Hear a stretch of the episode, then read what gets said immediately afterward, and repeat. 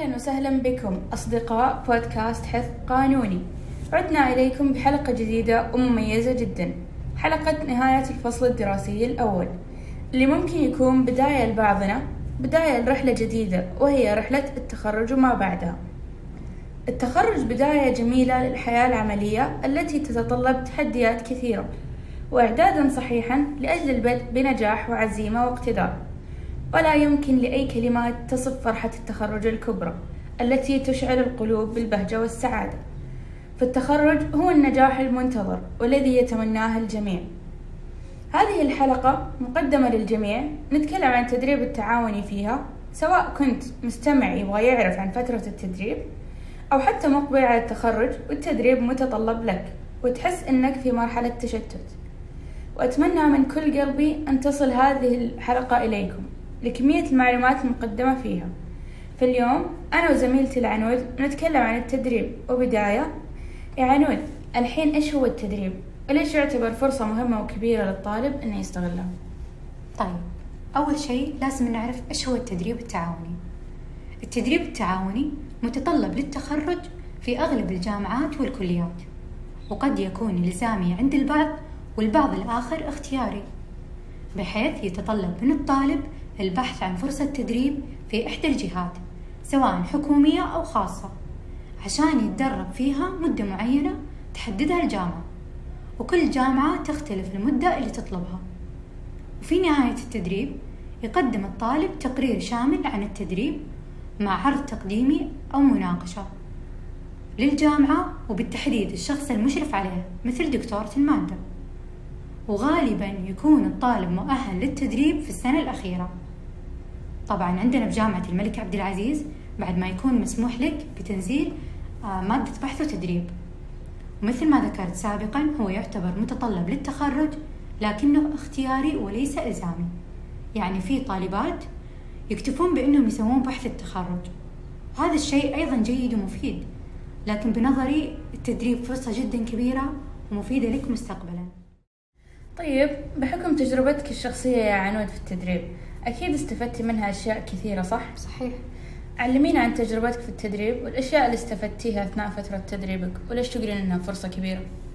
أولا أنا تدربت في وزارة وحسيت إن اتضحت لي صورة كيف تكون طبيعة العمل داخل إدارات الشؤون القانونية بالجهات يعني من حيث الإجراءات وطبيعة الشغل وهكذا وفهمت بعض القوانين اللي درسناها بشكل أعمق بعد ما طبقتها على أرض الواقع مثل قانون المرافعات وغيره. أيضا مهم جدا أن الواحد بهذه المرحلة يطور من مهاراته القانونية بالاطلاع على السوابق القضائية والقراءة والبحث والتحليل. كيف نكتب المذكرات واللوائح؟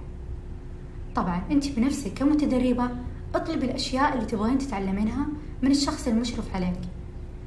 شيء عادي جدا وطبيعي وغير إنك تفيدين نفسك والمجموعة اللي معاك هذا الشيء راح يخليك تتركين يعني انطباع جيد في مكان إنك جاهزة تتعلمين وتتطورين. وممكن بعد التدريب تطلبك الجهة هذه بالاسم عشان توظفك عندها بسبب إنك كنتي متميزة في فترة التدريب. وشخصيا فترة التدريب طورت من مهاراتي الناعمة ال soft skills اللي هي التواصل الفعال كيف يكون العمل الجماعي وأهمية الالتزام بالوقت. غير كذا التجربة كانت ممتعة مرة وكونت علاقات جميلة منها. جميل. وأكيد أن أنت اكتسبتي كثير مهارات ممكن طورتي عندك مهارات مسبقة زي تحليل المشاكل وغيرها. صحيح. لكن أكيد واجهتك صعوبات في فترة التدريب صح؟ مم. أكيد. كل تجربة يجربها الشخص مستحيل ما تخلو من الصعوبات.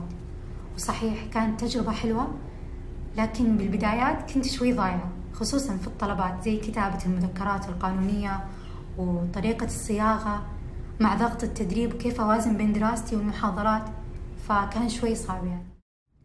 ما شاء الله تجربتك مرة رائعة يا عنود. أكيد مستمعين استوعبوا أهمية التدريب منها. أكيد عشان توصل لكم فكرة الحلقة أكثر قررنا نسوي استبيان طلبنا فيه كل أسئلتكم اللي تدورون عن إجاباتها. فسوينا بالضبط استبيانين. الأول محتوى عن أسئلة الطالبات اللي شاغلة بالهم. والثاني عن تجارب طالبات سبق لهم التدريب. فمثلا جتنا أسئلة عن إيش فايدة التدريب وجاوبنا عليها. وإيش هو التدريب التعاوني أصلا وجاوبنا عليها كمان. إيش الأسئلة الثانية اللي جتنا الآن؟ طيب من الأسئلة اللي جتنا كم عدد الساعات التدريبية في المقرر؟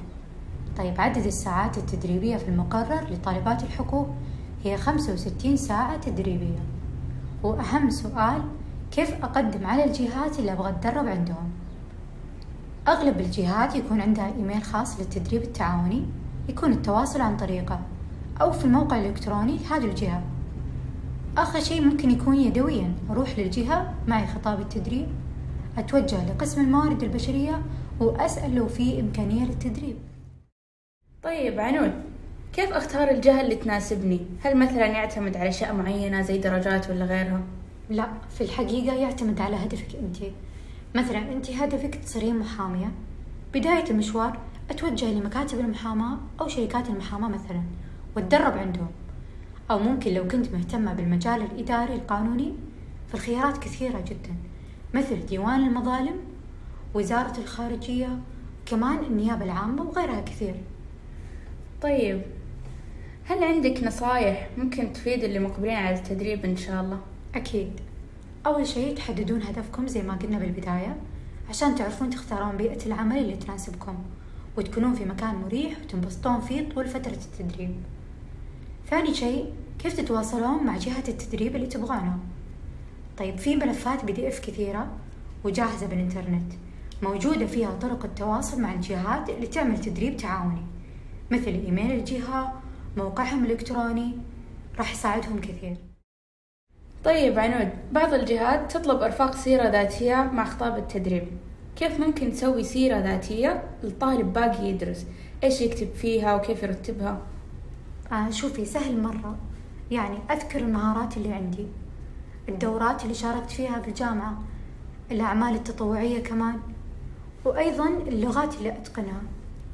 كمان بيلقى كثير ملفات جاهزة على الإنترنت تعلموا طريقة كتابة السيرة الذاتية لهذا النوع من التدريب. ومن النصائح بعد التقديم اليدوي. صراحة أشوف هذه الطريقة أكثر شيء ناجح لو ما نجحت فرصة إني أتواصل إلكترونيا مع الجهات. وآخر نصيحة أقدمها أولا وأخيرا هي التوكل على الله وإخلاص العمل لوجهه. الدعاء والعمل الصالح بيسهل عليك حتى حياتك مو بس دراستك وفترة تدريبك. وإخلاصك في العمل واجتهادك بإذن الله ليثمر وبتستفيدين كثير. فعلا صح كلامك يا العنود. إخلاص العمل لوجه الله عز وجل واحتساب الأجر ييسر كثير من أمور حياتنا. علينا بس نشد حيلنا ونتوكل ونعمل بالأسباب. والنصايح كثير. وذكرنا أكبر قدر ممكن. لكن لا تزال تجربة كل واحد فينا مختلفة. وزي ما قال أحمد شوقي وما نيل المطالب بالتمني ولكن تؤخذ الدنيا غلابة. وما استعصى على قوم منالوا إذا الإقدام كان لهم ركابة. فقد ما حسيتوا الموضوع صار أصعب. اعرفوا أن النجاح قرب. لا تستسلموا للتعب وكمل الطريق الأخير. أصدقاؤنا وصلنا لنهاية حلقتنا لليوم. ونهاية حلقات الفصل الدراسي الأول. نرجو من الله أن نكون قدمنا ما يفيد ويمتع. والشكر لكاتباتنا وأعضاء البودكاست. والشكر لكم مستمعينا الرائعين. كان معكم العنود المطيري والعنود الأفندي. نلقاكم في حلقة أخرى على خير بإذن الله.